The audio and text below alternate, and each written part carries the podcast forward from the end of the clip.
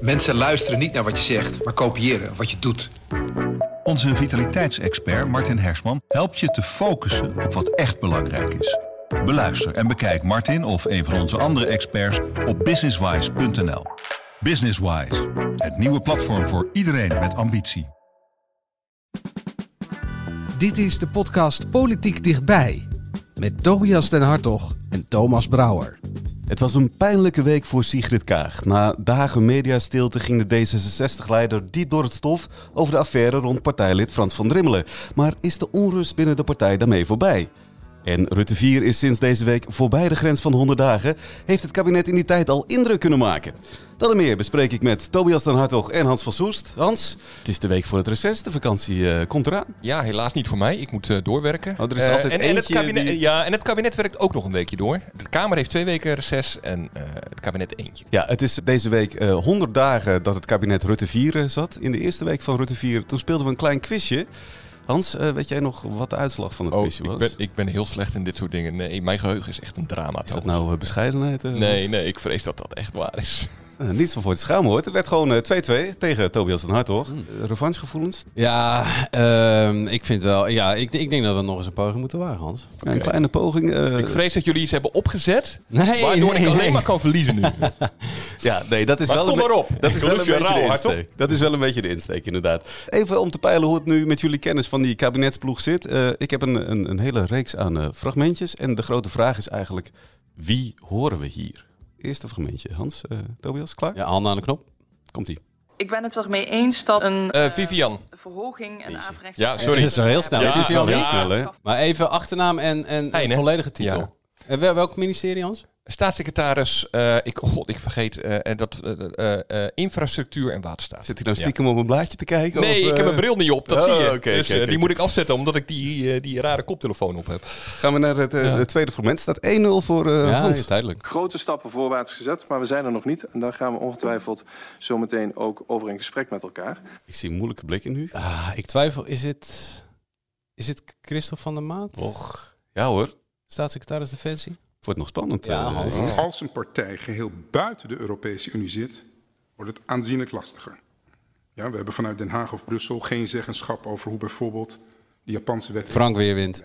Ja. 2-1 voor Tobias. Minister voor rechtsbescherming. Exact. Ja, dit is, dit is gemeen, want ik heb een interview met hem gedaan. Dus ik heb, ik heb die stem eerder gehoord. Maar nog niet veel in de Kamer. Ja, het rare is, um, ik, ik heb de man al zo vaak horen praten en ik herkende zijn stem nu helemaal niet. Dus ik, nou ja. Maar het zijn over het algemeen wel drie ja. uh, politici die eigenlijk de afgelopen honderd dagen niet al te veel in het nieuws zijn geweest, toch? Maar dat is ook niet zo heel gek. Kijk, elk kabinet, als het, als het uh, van start gaat, heeft het gewoon altijd een tijdje nodig om, om op te starten. Hè? Er zijn allemaal plannen gesmeed uh, tijdens zo'n formatie. Nou, die moeten worden uitgewerkt. Uh, er moeten voorstellen worden gemaakt, er worden nota's worden gemaakt, die worden dan naar de Kamer gestuurd, die moeten dan voor de eerste keer worden besproken. Dus je hebt altijd zo'n soort van opstartperiode. Uh, iedereen die denkt dat een kabinet in een eerste honderd dagen al heel veel werk kan verzetten, dat is echt nog nooit gebeurd. Dus uh, nou, ik, dat, dat gebeurt niet. En daar komt nog eens bij dat dit kabinet ook nog eens een keer eigenlijk al voordat het überhaupt op het bordes stond, hè, dus tussen dat de plannen werden gepresenteerd en de ploeg op het bordes stond, de financiële plaat, zoals dat dan heet, onder het regeerakkoord alweer was weggeslagen. Doordat de rechter eh, heeft bepaald dat de manier waarop het kabinet nu eh, belasting heft over spaargeld niet mag. Waardoor er ineens een, een gat in de begroting zat, wat moet worden opgelost. Dus dat was al voor het aantreden uh, van het kabinet, waardoor ze al uh, ineens alle plannen moesten bijstellen. En vervolgens breekt die oorlog in Oekraïne uit, die uh, gevolgen heeft voor, voor alles uh, zo'n beetje. Hè. Ineens willen we toch meer geld voor defensie. We zitten met wat gaan we doen met aardgas, wat gaan we doen met de energierekening gaat omhoog, koopkrachteffecten. Mogelijk heeft het überhaupt effecten over de economische groei, waardoor de overheid minder geld binnenkomt. Dus ineens moest dit kabinet al die plannen, in ieder geval een groot deel daarvan, ja, herzien. Dus ja, dat is ook een van de redenen waarom we nog niet zo heel veel van ze gehoord hebben. We hebben straks nog een tweede kans voor je, Hans, want uh, dan komt er nog een ronde aan. 2-1 uh, voor Tobias is de stand nu. Ik veracht uw woorden. Schaamt u zich eigenlijk niet? De bestuurscultuur, de nieuwe bestuurscultuur. Factionem cartellum. Doe eens normaal, man. Lekker zo, man. De woorden zijn teruggenomen. Dat ik een bewuste uitspraak heb gedaan die ik heb gedaan. Ja, de opvallendste uitspraak van deze week. Soms is dat even zoeken. Wat valt dan op? Hè? Je hebt niet elke week uh, knallers ertussen zitten. Deze week uh, was duidelijk wat de quote van de week wordt. Eigenlijk was het vanaf het paasweekend, de publicatie in de Volkskrant, was het wachten op, uh, op een reactie van Sigrid Kaag op het artikel. dat ging over Frans van Drimmelen, D66 uh, lid en uh, actief achter de schermen als uh, nou, met name hoofd van de talentencommissie, een soort scout binnen die partij. Er was een, een lange aanloop van die affaire. Hij werd beschuldigd van, een, ja, van stalking, van bedreiging. Nou ja, daar is ook wel een deel uh, van die klacht is behandeld in een openbaar rapport. Dat was vorig jaar in februari. Daar heeft D66 gezegd, nou, er is geen structureel probleem, maar er waren wel problemen. Maar er was een bijlage bij dat rapport, die is vertrouwelijk gebleven. Daarin stond, ja, daar rees het beeld toch wel dat het een lelijke affaire was. En dat er ook bij wel meer partijprominenten uh, het nodig aan de hand was. Dat, dat, dat laatst stond trouwens ook wel in het openbare deel. Maar de pijn zat erin dat Kaag eigenlijk vorig jaar februari een streep onder heel die affaire wilde zetten door te zeggen: jongens, er zijn geen structurele problemen. En Frans van Rimmelen die uh, bleef aan. De vrouw om wie het ging in de kwestie van Van Rimmelen, die heeft gedacht van ja, hallo, hij blijft en ik moest weg, want ja, ik kon niet meer functioneren bij die partij zolang hij er zat. Ja, die heeft deze week haar klacht herhaalt dat, uh, ja, dat ze zich in de steek gelaten voelt. Ook door Kaag. En Kaag, ja, die, uh, het eigenlijk was, dat, dat is allemaal openbaar geworden in dat uh, stuk van de Volkskrant in paasweekend. Ja, sinds dat moment ging de tijd eigenlijk tikken en was het wachten op Kaag. En Met die kwam pas gisteren. beelden ook deze week van, van, van D66-Kamerleden die wegriep, ja. renden voor camera's, net deden of ze aan het telefoneren waren. Ik bedoel, normaal, ja, het was echt wel heel gênant. Ja. Volwassen mensen, ja. ja. En uiteindelijk kwam Kaag dus. En uh, die kwam met een soort groot mea culpa. Ik besef dat veel mensen eerder van mij hadden willen horen. Het wachten was verre van ideaal. Ook voor mij. Ik had me graag eerder uitgesproken. Maar grondigheid, zorgvuldigheid en degelijkheid zijn in dit soort processen voor mij van het grootste belang. Daarom wilde ik het landelijk bestuur de ruimte geven voor een nieuwe weging. Nu het bestuur een besluit heeft genomen, wil ik ten eerste zeggen dat ik het verschrikkelijk vind dat mensen zich onveilig hebben gevoeld bij D66.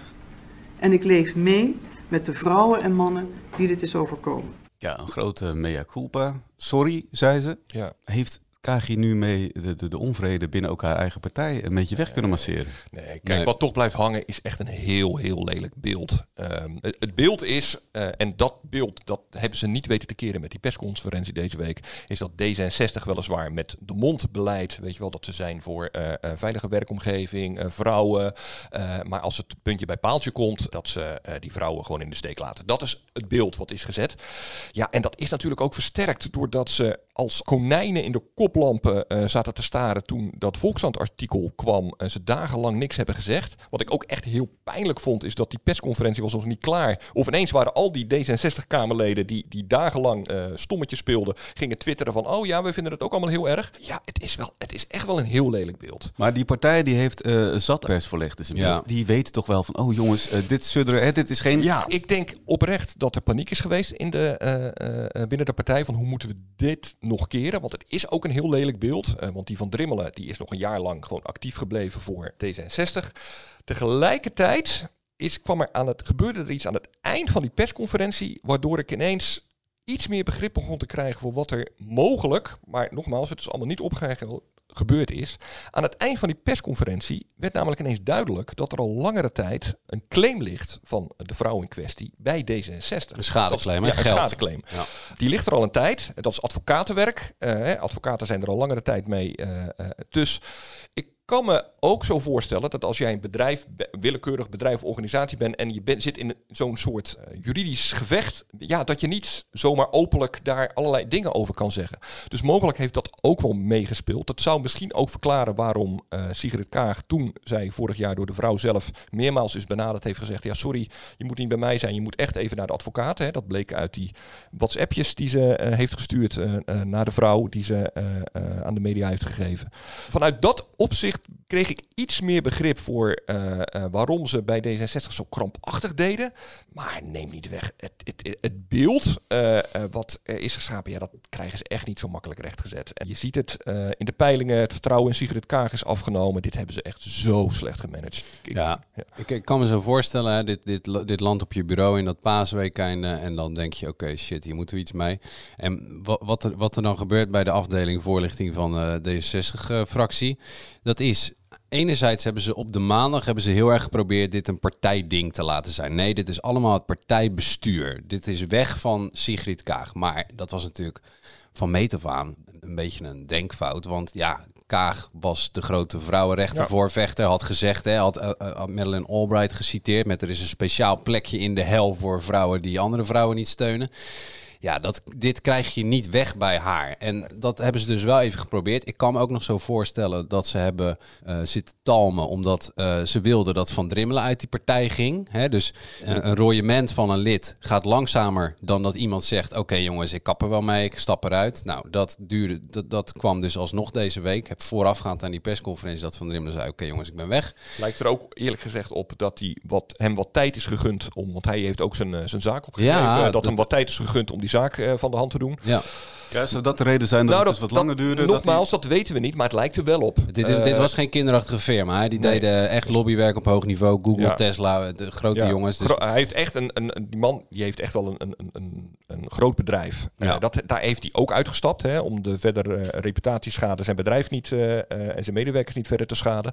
Wat ik namelijk wel heel opvallend was, die van Drimmelen, die maakte bekend woensdag van nou oké, okay, ik stap uit D66 en ook uit mijn bedrijf en ik trek me overal uit terug. En het duurde nog geen twee minuten. Of ineens kwam er wel een reactie van D66 vanuit ja. het partijbureau van oh, uh, Van Drimmelen is niet meer welkom bij D66. Ja, nooit dus meer dat, ook hè? Ja, dus Voor dat, de rest van zijn leven Dat leek toch wel heel erg op afgesproken werk. Ja, ja en, en, en ik, ik denk dat het zo, dat waar, ik denk dat het allemaal hordes zijn geweest. Dus één, wegha weghouden bij Kaag, niet gelukt.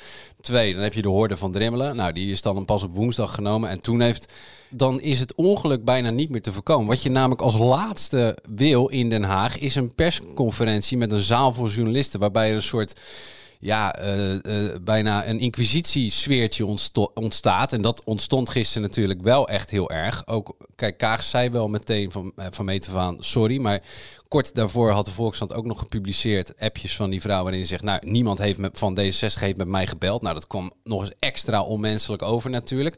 Hoewel Kaag dan van zijn, ja, als ik nu was gaan bellen, had ze misschien gezegd, ja, nu ga je wel bellen voor de PR, weet je wel. Dus ja. dat is ook, ik bedoel, ik zeg niet dat het een goede keuze is, maar dat zou een reden kunnen zijn. De, maar dat hele sfeertje van die, die uh, Kaag staat hier terecht. En misschien niet onterecht, hè, maar dat is natuurlijk vanuit D66 oogpunt het laatste wat je wil. Nou ja, dat ongeluk hebben ze gewoon niet kunnen voorkomen. En dit blijft aan haar kleven, onherroepelijk. Nou ja, eigenlijk is natuurlijk het ongeluk al een jaar geleden in gang gezet. doordat ze deze zaak gewoon hebben onderschat. Ja. Kijk, de vrouw was al weg uh, bij D66. Uh, heeft inmiddels lang weer ergens anders een baan. Ze hebben naar die zaak nog een keer gekeken. En ze hebben gekeken, ja, god. Uh, kijk, er is, de twee hebben gewoon een relatie gehad. Hè? anderhalf jaar lang. Op een gegeven moment is dat uitgegaan. En daar kon hij zich niet bij neerleggen. hij is toen heel vervelend gaan doen. Er is zelfs de politie bij aan de pas gekomen. En op een gegeven moment heeft die vrouw gezegd, nou, ik wil hier niet meer werken, ik ga weg. En die van Drimmel is gebleven. Alleen toen dat vorig jaar al ook in dat openbare deel van het rapport bekend werd, hadden ze natuurlijk wel kunnen bedenken van ja, dit is eigenlijk heel gek. Oké, okay, je kunt het geen MeToo-zaak noemen, maar als zelfs de politie aan te pas moet komen om een uh, D66er te, te redden uh, van, van een andere D66er, dan is het wel heel gek dat die man hier nog steeds rondloopt. Ze hadden natuurlijk een jaar geleden al moeten ingrijpen en dat, dat hebben ze echt onderschat. Ja, ja daar betalen en, ze nu de prijs voor. En bewust wellicht, hè, zo kort voor de verkiezingen was het maar al te fijn dat Kaag kon zeggen, nou, er zijn geen structurele problemen en uh, alles blijft bij het oude, doorlopen mensen niks aan de hand. Dat was natuurlijk ook vanuit electoraal oogpunt, maar al te prettig dus dat dat een rol heeft gespeeld, sluit ik niet uit. Van Brimmelen, want dat vind ik ook opvallend eigenlijk. Dat is een man die heeft een lobbybedrijf en die heeft tegelijkertijd een hele hoge positie bij D66. Is dat niet raar of gebeurt dat eigenlijk heel veel in de politiek? Nou ja, heel veel mensen die actief zijn voor een politieke partij hebben daarnaast gewoon een baan. Uh, uh, kijk, politieke partijen hebben op zich niet heel veel mensen in dienst. Uh, er werken wat mensen in vaste dienst bij een partijbureau. je hebt natuurlijk Kamerleden, hè, die hebben een salaris. Um, maar merendeel van de mensen die actief is voor een partij, ja, die hebben daarnaast een andere baan. Uh, dat is voor hem ook zo. Uh, hij was uh, geen bestuurder van de partij, maar hij, hij zat een, een, een, clubje voor die talenten aandroeg. Uh, onder andere uh, ook Sigrid Kaag zelf heeft die uh, ooit geïntroduceerd bij, de, bij de partij.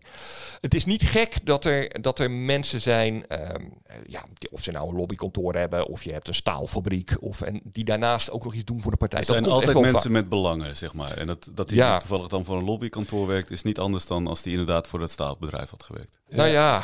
Kijk, er is gewoon mist rond lobbyisten in Nederland. Ik bedoel, er zijn er zijn heel weinig regels, zelfs ministers. Hè. We hebben het nog gezien bij Cora uh, van Nieuwhuizen, die minister was voor, uh, op, het, uh, op hetzelfde terrein als waar ze haar volgende baan op zat. Weet je wel. Nou, dat is, da daar, daar zijn wat aanscherpingen gekomen, maar er is gewoon mist.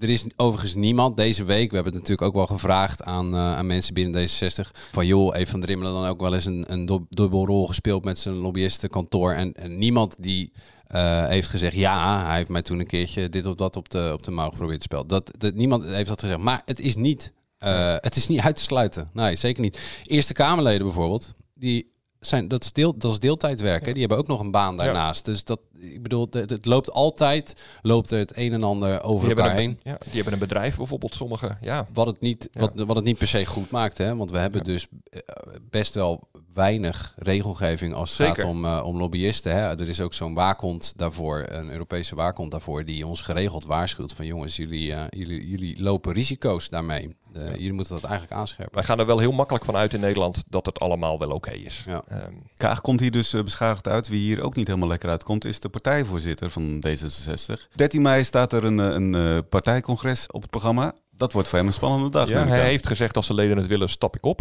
Ja, ik, ik denk eerlijk gezegd dat hij zijn koffer zo vast kan pakken. Ik bedoel, je voelt gewoon aan, als, er, als je partij zo beschadigd is, zo lelijk in het nieuws, dan moet er een zoomoffer worden gebracht om uh, ja, in elk geval de boze leden, maar ook de buitenwacht te laten zien, we nemen het echt wel serieus. En het is natuurlijk ongeloofwaardig dat als jij bij je aantreden, bij je aantreden krijg je een rapport, dat lees je, dan zeg je oké, dit is oké.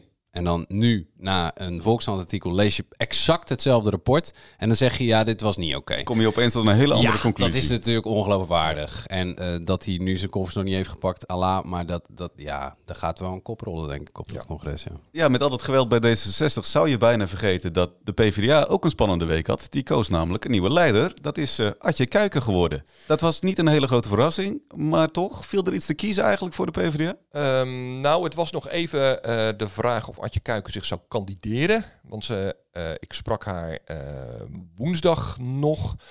Uh, en toen zei ze in elk geval uh, dat ze nog twijfelde, omdat ze heeft het in het verleden wel eens een keer tijdelijk gedaan, het fractievoorzitterschap toen waargenomen. Samson, toen Samson wegging als, als, als, als fractievoorzitter en toen moest ze even drie maanden overbluggen tot aan de verkiezingen en dan zou Lodewijk Asscher aantreden. En nu had ze zoiets van, ja, dit is niet even tijdelijk, dit is gewoon, de volgende verkiezingen zijn als het een beetje tegen zit pas over drie jaar. Ehm, wil ik dit wel? En het is ook niet iets wat je dan uh, mogelijk maar als tussenpauze doet. Want ja, uh, als er geen andere mensen zich tegen over drie jaar melden, ik wil ook lijsttrekker worden, dan wordt zij automatisch, iedereen kijkt dan naar haar van, dan moet jij ook lijsttrekker worden. Dus je neemt wel verantwoordelijkheid op je. Daar twijfelde ze lang over, vertelde ze. maar toen ze zich eenmaal had gekandideerd, dacht ik wel bij mezelf, ja, haar tegenkandidaat Henk Nijboer heeft geen enkele kans. Nee, want waarom niet? Omdat zij binnen uh, de fractie uh, wel meer aanzien heeft. Kijk, Henk Nijboer is een uh, de financieel specialist. Maar um, Adje Kuiken is veel meer een allrounder. Ja, hij heeft de hele tijd justitie gedaan.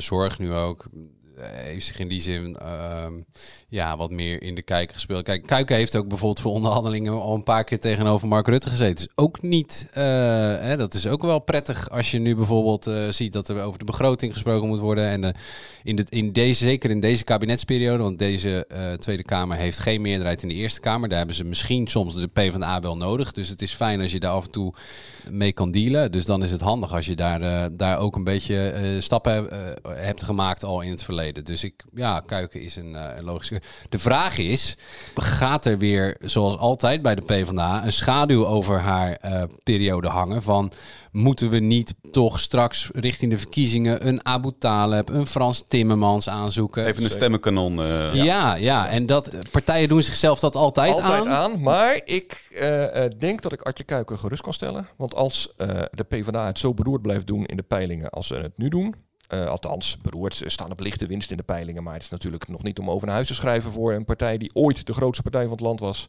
Dan gaat of uh, Abu Taleb of Timmermans echt niet van de Olympus afdalen om uh, het risico te lopen en een smadelijke nederlaag te, lenen, ja. te leiden bij de volgende verkiezingen. Daar geloof ik helemaal niks van. Ja, je hebt van dichtbij gezien ook nog een argument hoe ongelooflijk ongelukkig Abu Talib was in Den Haag. Hè? Hij vond het verschrikkelijk, alsof hij gras zag groeien. Hij vond het te traag, hij kon zijn stempel niet drukken. Nee.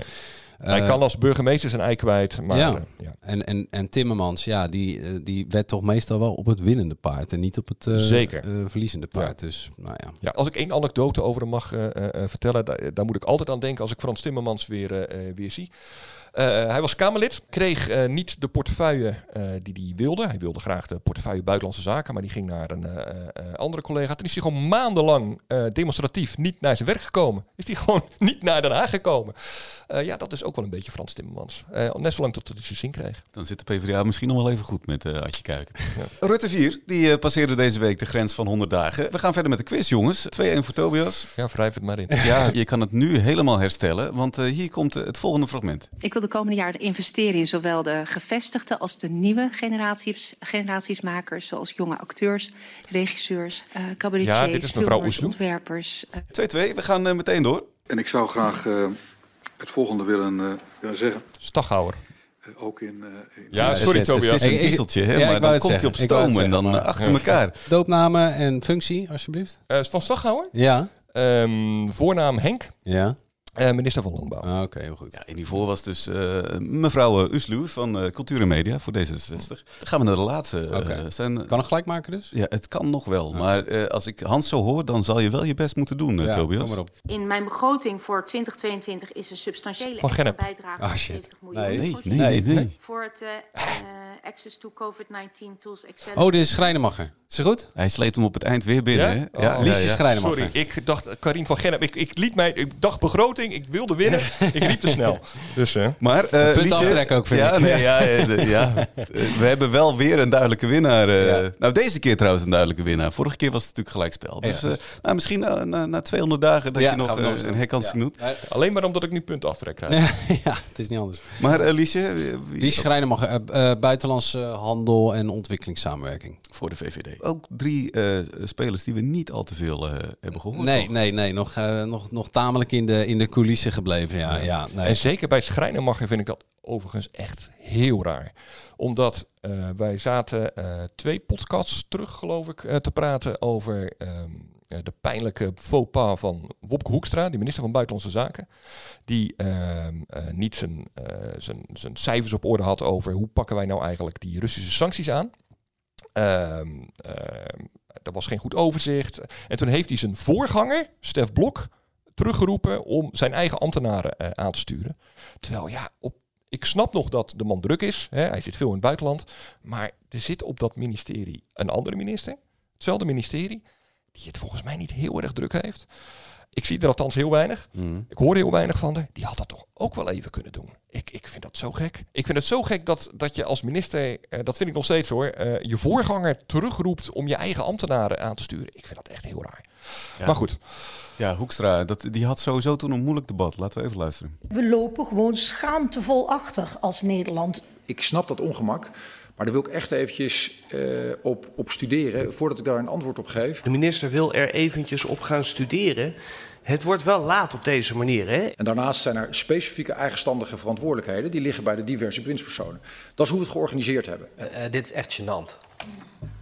Uh, gênant en ook gewoon onacceptabel. Ja, hier wreekt zich iets wat uh, Bobke Hoekstra, waar die lang mee weg is gekomen. Maar dat gaat een keer mis. Namelijk zijn ontzettende hang heel erg voorbereid te zijn. Er is ja. bijna geen minister in Den Haag Zeker. die zich beter voorbereidt op debatten uh, of uh, interviews nou, ja, als ook Hoekstra. Hè? Nou ja, voorbereid op een hele bijzondere manier. Wat ja, hij op doet, een bijzondere manier. Wat hij doet, hij wil van zijn ambtenaren, vraagt hij, uh, wil hij weten van welke vragen kan ik verwachten. En daar, en welk antwoord moet ik dan geven? En nou, dat, dat, dat leert hij dan min of meer uit zijn hoofd. Maar als hij dus een vraag krijgt die hij niet verwacht, ja of hij niet is voorbereid, dan staat hij al heel vaak of heel snel met zijn mond vol tanden. Moet je maar eens opletten. Dat is echt heel ja. opvallend bij Hoekstra. Je weet meteen wanneer hij moet improviseren. Ja, en dat ja, kan hij dus slecht. Dat kan hij dus heel slecht, ja. Er zijn, er zijn dus, uh, want hij kan ook moeilijk toegeven dat hij het antwoord niet weet. Dat vindt hij ook ingewikkeld. En, en wat hij in dit debat probeerde, hè, in het debat over de sancties tegen rijke Russen die mogen gelieerd zijn aan Poetin, is te zeggen van ja, daar, daar moet ik dus, dat moet ik dus even nakijken. Dus hier deed hij het eigenlijk wel. Maar dit was precies dan weer op het verkeerde moment. Want die dag was Zelensky voor een toespraak in de Kamer. Ja, en dan kan je niet daarna gaan zeggen, jongens, eh, ja, waar die man het net over had, daar heb ik mijn huiswerk niet over gedaan. Dat was precies het moment waarop je wel voorbereid moet zijn. Ja, in de Kamer dan om te grazen. Hij stond gewoon voor aap. Daarna heeft hij inderdaad Stef Blok laten komen om de boel glad trekken. Nou ja, daar, daar, daar zit nu nog steeds... Uh, vandaag komt er weer een tussenrapportage over hoe de stand van zaken is. Maar het beeld beklijft dat de Hoekstra zijn zaken niet op orde had. En uh, ja, daar zit dus wel... Daar zit dus deze ja, een beetje karakterologische reden achter, als het ware. Buitenlandse zaken zitten, staat niet bekend om nee, ambtenaren. diplomaten. Die, ja, dit, zijn, dit is geen aanpak. Die, dit, dit, was harde aanpak. We moeten die, die, kunnen, die kunnen helemaal geen beleid uitvoeren. Nou ja, maar hier gaat het om, om, om, om rijke Russen hard te raken. Dat is eigenlijk iets. Kijk, laat dit aan de minister van Justitie over. Die weet er wel raad mee. Ik bedoel, die, die, die strooit met een paar uh, krachttermen. En uh, dat komt wel in orde, zeg maar. Zeker bij als je dat aan de VVD overlaat. En Graphuis kon er trouwens ook wat van. Maar het ministerie van Buitenlandse Zaken, ja, die, die is daar niet echt op ingesteld. Nou ja, dat bleek dus ook wel uit alles. Ja. Is uh, Hoekstra sowieso op zijn plek als minister van Buitenlandse Zaken? Nou, daar, kijk, dat is een goede vraag. Want dus van alle ministers die dan nog wel zijn opgevallen hè, van die, in die honderd dagen, dat zijn vooral ministers die uitgelezen hebben gemaakt. En wie zijn dat? Hoekstra, Kaag, en de jongen. En dat zijn allemaal ministers die er de vorige ronde ook al zaten, maar dan met een ander petje op. Hè? Uh, Hoekstra zat op financiën, is nu buitenlandse zaken geworden. Kaag uh, zat op buitenlandse zaken, is nu financiën geworden. Daar heb je de jongen, die zat op uh, volksgezondheid, is nu wonen geworden. En allemaal hebben ze ofwel averij uit het verleden, wat nu terugkomt, ofwel ze hebben nieuwe brokken gemaakt. En die discussie van uh, zit Hoekstra op de juiste plek als buitenlandse zaak? Ja, nee, je, je kan daar een boom over opzetten van je welste. Want de vraag is hoeveel, hoe, in, in welke mate wil je dat een minister ook echt een, ja, een vakdeskundige is op zijn terrein? Hè, dan moet je een diplomaat aanstellen als je naar buitenlandse zaken uh, gaat. En dat is Hoekstra gewoon niet. Uh, en uh, Sigrid Kaag is geen financieel expert. Maar ja, ze probeert het nu wel te worden. Je kunt je ook overigens afvragen of dat nodig is. Hè? Ja, dat, maar dat is een hele andere discussie. Een, een, een, goede minister, als jij een goede minister bent, een goede bestuurder, een goed politiek gevoel hebt, moet je in principe op elk ministerie uit de voeten kunnen. Ik geloof nooit zo in vakministers die heel erg veel van een, hè, die echt uit een bepaald vakgebied komen en dat die dan automatisch de beste minister zijn. Daar heb je je ambtenaren Want, voor. Nee, ja, daar heb je je ambtenaren voor. En een minister hoort vooral open te staan voor allerlei geluiden. En je loopt juist het, het risico dat als jij vanuit een bepaald vakgebied komt, dat jij al zo'n vooroordeeld bent. Uh, bevooroordeeld bent over hè, hoe je bepaalde problemen kunt oplossen. Dat je ook een blinde vlek hebt voor, voor andere oplossingen. Dus uh, dat vind ik niet zo heel raar. Uh, maar ja, om terug te komen op Hoekstra. Ik heb van begin af aan deze keuze niet begrepen. Om een hele andere reden overigens. Hij is leider van het CDA. Het CDA heeft het niet heel best gedaan uh, bij de afgelopen verkiezingen. Uh, hij moet zichtbaar zijn. Hij moet zijn partij weer kleur op de wangen geven.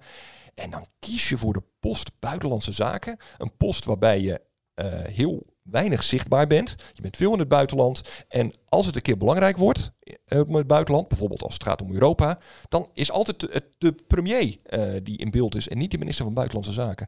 Dus ik, ik heb dan die keuze vanuit het CDA gezien nooit begrepen. Ja, iemand die wel vol in, in het zicht was, dat was natuurlijk premier Rutte. Die begon toch ook enigszins beschadigd aan het nieuwe kabinet. Is daar na honderd dagen nou veel in veranderd? Nou ja, kijk, ze hebben destijds in het 1 april debat, hè, toen er was, was gesproken over Pieter Omtzigt functie elders. De, bij de VVD zeggen ze intern, uh, die dag, toen we het debat daarover uh, voerden, die dag hadden ze hem dood moeten maken.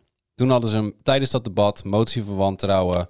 Hij bedoelt uh, figuurlijk, hè? Ja, ja, ja. Nou ja, politiek dood moeten maken. Dus in de zin van, dan, daar had iedereen moeten zeggen: meneer Rutte, je hebt gelogen. Je hebt toch tegen de format, informateurs gesproken over, informateurs gesproken over Pieter Omzicht. Wat je hebt gezegd is misschien niet zo schadelijk, maar je hebt in ieder geval gelogen voor de camera's dat je dat uh, had gedaan. Je hebt het wel gedaan. Daar hadden ze kunnen zeggen: met jou wil ik nooit meer regeren. En bij de VVD zeggen ze, ja, dat hebben ze niet gedaan. En vanaf dat moment is uh, de grote uh, wederopstanding van Mark Rutte eigenlijk begonnen.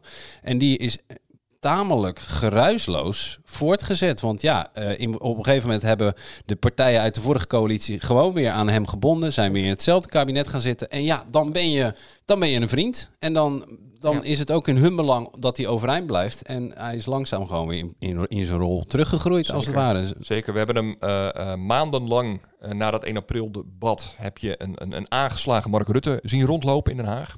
Daar is echt niks meer van te zien. Nee. Hij is weer helemaal, uh, hij heeft zijn, zijn swing weer terug, uh, zijn, zijn bravoer weer terug. Hij zei, uh, af en toe ook gemakzucht weer terug. Ja. Um, hij zei laatst iets op de gang, kwam hij aanlopen bij een debat. En dat wat, was, ik bedoel, dat was niet, er gaat iemand aftreden debat, maar het was een serieus debat. En toen zei hij iets als, ken je Paul de Leon nog van Hallo Boppers? Dat, zoiets zei hij toen hij aan kwam lopen naar de pers. To, toen dacht ik, nou, als Ja. je dat kan veroorloven, weet je wel, dat flegmatieke weer kan en, veroorloven. en vergelijk hoe Mark Rutte nu rondloopt in Den Haag, eens met hoe de mensen die hem een jaar geleden in de verkiezingen uh, van 2021 hebben uitgedaagd, eens hoe die rondlopen. Sigrid Kaag, ja, het, ik vind het er nog niet uitkomen. Uh, Wopke Hoekstra, volkomen onzichtbaar. Ja, en uh, dat waren de, de, twee mensen die opgingen allebei voor uh, om Mark Rutte uit het torentje te, te, Ik denk als er nu verkiezingen zouden worden gehouden, Mark Rutte wint weer met twee vingers in zijn neus. Ja, kunnen we ons alweer opmaken voor Rutte 5? Nou, da, da, kijk, verkiezingen zijn nog heel ver weg. weg. ver weg. En ik denk dat uh, inmiddels ook Mark Rutte wel ervan overtuigd is dat dit wel zijn laatste kunstje is. Alleen een beetje, want het, het, het, het, gaat niet altijd, blijft niet goed gaan natuurlijk. Alleen, hij heeft één groot probleem. Er staat geen gedroomde opvolger voor hem klaar. En voorlopig springt hij gewoon van schots tot naar schots. En blijft hij gewoon uh, uh, de grootste ijsbeer op, uh, op de vlakte, zeg ja. maar. Ja. Ja. ja. wat ook wel opvallend is, dat hij weer helemaal in zijn rol zat als oliemannetje in Europa ook. Ja, dat is wel uh, opmerkelijk. Kijk, er, er, is een lange periode van afwezigheid geweest uh, van, van Rutte en op het EU-vlak. Er was ook een tijdje niet zo'n noodzaak voor, maar we hadden COVID. En daarna kwam die hele, hele moeizame aanloop naar dit debat. Dus er is lang, heeft hij niet zo zijn stempel gedrukt. Maar de, hij heeft inderdaad de afgelopen vier weken, met name dan vier weken terug, heeft hij, heeft hij flink wat landen bezocht. ook bij Erdogan aangeschoven. Hij heeft wel weer een beetje die rol naar zich toe getrokken uh, uh, om landen bij elkaar te brengen. Of te zeggen waar, hij, waar volgens hem uh, de EU-lidstaten staan als het om discussies gaat. Bijvoorbeeld hoe hard pakken we Russen aan of moet er een olieboycott komen. Dat soort gesprekken zijn natuurlijk altijd gaande op de achtergrond. En Rut trok die rol weer wat meer naar zich toe. Zeker omdat er uh, in Duitsland, met het wegvallen van Merkel, is er natuurlijk een enorm gat gevallen binnen de EU. Hè. Vaak keken landen toch naar Duitsland van welke kant gaan we op. En of naar Frankrijk. Nou, in Fra Frankrijk, Macrons plek is ook niet zeker. En die had ook nog eens een blauwtje gelopen met Poetin, met die hele lange tafel, kun je je herinneren. Dus Rutte pakt uh, dat vacuüm, heeft dat vacuüm een beetje gepakt. Ja, dus ja, nee, zeker. Hij manifesteert zich daar meer op dan ja. in het verleden. Nou ja, ik, ik zou het iets anders formuleren. Hij manifesteerde zich hiervoor ook wel, alleen op een andere manier. Bijvoorbeeld in die hele discussie uh, over het corona-herstelfonds, hè, dat Europese, uh, waar echt miljarden Ja. en miljarden. Uh, manifesteerde ze zich ook heel erg, alleen op een andere manier. Namelijk toen was, waren wij, of was Rutte, um, de voortrekker van het kleine groepje landen. Dat zei, ja jongens, uh, uh, die uh, voorwaarden waaronder landen geld moeten krijgen, die moeten veel en veel strenger. Mr. En No. Mr. no. En toen werd hij echt wel gehaat door Ja. onder andere Angela Merkel, die heel boos op hem was, omdat hij ook eens een keer bij zo'n Europese top heel demonstratief met een biografie van Chopin onder zijn arm binnenkwam. Van nou jongens, ik hoor het wel als jullie klaar zijn. Maar waar hij toen heel erg um, de rol speelde van uh, kijk, eens even uh, begrotingshavik Nederland. Uh, en we gaan, is die nu meer um, inderdaad het oliemannetje. Iemand die de laatste weken ook veel nee aan het zeggen is, is Sigrid Kaag. Die zit even in een lastige periode. Hoe doet zij het dan als minister? De waarde van Kaag zal zich nu gaan bewijzen. Hè. Dus bij de voorjaarsnota, dit is echt een lastige knoop om te kijken hoe we de begroting voor dit jaar dekkend kunnen krijgen. Of er extra geld no uh, mogelijk uh, is voor defensie, hoe we het probleem met de spaartax gaan oplossen. Nu is er even een enorme knoop, die ligt op haar bord. De vraag is hoe ze dat gaat doen. Maar tot dusver maakt ze nog niet heel veel indruk. De enige wat echt ja, uh, zeg maar meteen in je uh, herinnering plopt, dat is het, uh, het, het, debat wat niet zo lekker ging. Mevrouw Kaag, tevens onze minister van Financiën, die had ik eigenlijk hier verwacht. Um, maar ja, zoals u kunt zien, die zit er ook niet. Dus ik vroeg me eigenlijk af waar onze minister van Financiën is. Ja, dat, uh, dat is een, uh, een, een terechte vraag, denk ik. Nou ja, het wekt nogal verbazing. Toen ik onderweg naar de zaal was, keek ik op YouTube naar een stream waar onze minister van Financiën kennelijk ergens anders in het land een toespraak aan het houden is op dit moment. Ja, kijk, voorzitter, we hebben afgesproken. U heeft een brief naar het kabinet gestuurd wanneer bewindslieden moeten zijn. En als ze zeker in deze crisis andere verplichtingen hebben, hebben wij alle begrip. Maar er hoort wel het fatsoen van het kabinet bij dat ze niet speeches gaan lopen houden die inplanbaar zijn tijdens het vragenuur. Ja, voorzitter, dit is echt een ongekende schande. Ik vind dat u, en ik eis dat ook van u, dat u de minister van Financiën, uw partijgenoot mevrouw Kaag, meteen tot de orde roept en zegt dat was eens, maar nooit weer. Dat is ook niet meer gebeurd, hè? Nee, kijk, Dit, was heel, dit was echt ongelooflijk lullig. Dinsdagmiddag, vragenuur. Uh, je weet dat je als minister naar de Kamer gehaald kan worden door Kamerleden om uh, vragen te beantwoorden. En Kaag had een spreekbeurt bij de Universiteit van Maastricht. Dat was allemaal ingepland, maar gewoon heel stom ingepland. Want je weet dat je naar de Kamer gehaald kan worden. Ja, dit was, uh, dat was ook nog eens een speech in het Engels voor studenten. Dus alles kwam samen. Zeg maar de Kamer die zei van, oh, die, kijk eens die elitaire Kaag, die staat bij een universiteit in het Engelse speech voor studenten. Terwijl wij hier vragen hebben over de koopkracht van de gewone Nederlander. En dat laat ze aan, aan, aan, aan zich voorbij gaan. Ja, hier, dit, hier kwam alles samen. Dus dat was uh, lelijk. Overigens, aan het einde van de middag. Kaag die kon echt niet meer naar, uh, naar Den Haag komen. Eén, het was te ver rijden vanuit Maastricht. Maar twee, ze had ook nog echt een werkafspraak in, uh, in België. Maar wie kwam aan het einde van de middag uh, uh, zei van... joh, dan uh, beantwoord ik die vragen toch? Dat was Rutte weer. Ja, die is dan weer zo handig. Want die, die deed dat ook heel erg rustig. Van nou ja, oké, dit zijn mijn antwoorden. En ja, sorry dat mevrouw Kaag er niet kon zijn, maar ik ben er wel. Weet je, dus het was ook nog eens... Rutte die kon het dan weer oplossen. Hè? Dus de, de man die Kaag had uitgedaagd, zei je net Hans, in de verkiezingen... die loopt dan ook nog eens een gat dicht wat zij laat vallen. Ja, hier kwam wel echt alles samen dat je denkt... Nou ja, uh, ik, ik, kan het niet beter verwoorden dan zo om te illustreren uh, waarom uh, Mark Rutte, als er nu verkiezingen zouden zijn, echt niks te duchten heeft van nog Kaag, nog Hoekstra. Als Overigens, als we het hebben over hoe heeft Kaag het gedaan, dat moet natuurlijk de komende ehm, weken blijken. aan het begin van de podcast hadden we het heel even over de onderhandelingen, over een nieuwe, pod over een nieuwe voorjaarsnota. Um, dan moet blijken of Kaag woord houdt. Kaag heeft in de Kamer gezegd dat zij uh, de begrotingsregels, uh, dat ze daar niet mee gaat marchanderen. Maar ja, er moet zoveel, voor zoveel geld gevonden worden. Uh, ik moet nog maar zien of de staatsschuld en het begrotingstekort niet heel veel verder gaat oplopen. Ja, CDA heeft hij deze week al de deur voor opengezet een beetje. Hè? Dus dat, als het gaat om de spaartax dan, dat dat ja. deel in de staatsschuld kan lopen. Dus ja, dat wordt wel een uh, een soort, een soort uh, uh, vuurdoop voor, voor Ja, kijk, uiteindelijk is, heeft de minister van Financiën één taak. En dat is zorgen dat uiteindelijk het huishoudboekje op orde is. Um, ik help het alle belastingbetalers in Nederland hopen dat dat zo blijft. Ja, want de facto gaat ze, als de staatsschuld op, gaat ophogen, dan gaat ze de, de facto naar de bank en zegt ik neem nog een hypotheek op mijn huis. Het kan, maar nou ja, daar houden Nederlanders niet zo van. Spannende weken. Als uh, Rutte 4 nu met het rapport uh, naar de politieke redactie AD komt, krijgen ze dan een mooi cadeautje? Nou, kijk, daar krijgen ze geen voldoende en geen onvoldoende. Ik zou zeggen 5,6 en kom, kom over een paar maanden nog maar eens terug. Weet je, je, je, kan, je kan zelfs aan het einde van de kabinetsperiode is het moeilijk mensen af te rekenen op een cijfer en een voldoende of onvoldoende. Laat staan na 100 dagen, wat het toch een soort bedachte symbolische grens is. Hè. Dat stelt allemaal niet zoveel voor. Maar kijk, dit kabinet was, wat Hans al zei, een repareerkabinet. Grote opgave op klimaat, stikstof, onderwijs. Uh, woningmarkt, uh, echt enorme gaten. De, de belofte was, we gaan dat inlopen. En wat je tot dusver ziet is, er zijn heel veel meer problemen bijgekomen. Ja. Dus wat je zie het er maar eens aan ook, toekomen. Wat je het kabinet ook niet kan kwalijk nemen. Hè? Nee, het is van uh, buiten. Dus, ja. het is echt nog veel te vroeg om dit kabinet te beoordelen. Maar wel leuk om dan in de tussentijd een quiz te doen, Hans. Hè, dat, zoals we hebben gedaan, even die stemmen.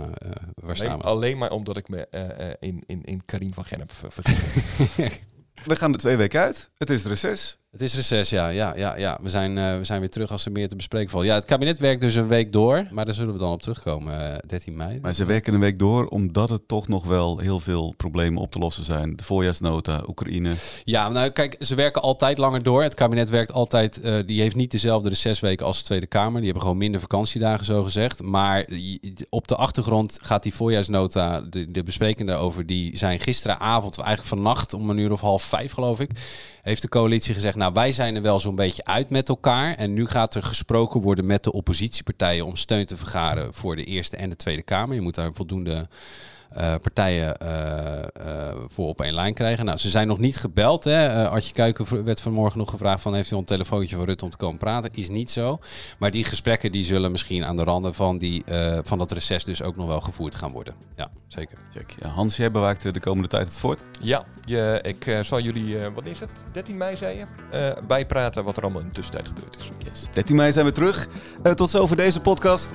Vind je dit nou een leuke podcast? Abonneer je dan vooral. Dat kan via Spotify of Apple Podcast. En tot de 13e. Dan zijn we er weer. Dag.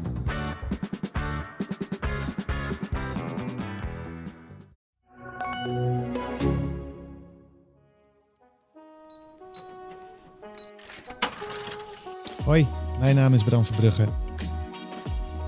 Ik ben coördinator van de Centrale Economie Redactie en wij maken een podcast over de economie die je in je broekzak voelt.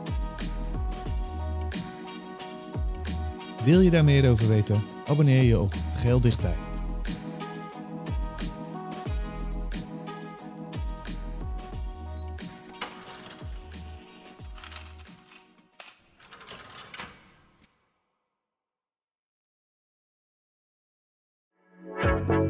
Een goede spreker herken je aan de Q&A aan het eind. Onze lifehack-expert Martijn Aslander geeft je adviezen waar je echt wat aan hebt. Beluister en bekijk Martijn of een van onze andere experts op businesswise.nl. Businesswise, het nieuwe platform voor iedereen met ambitie.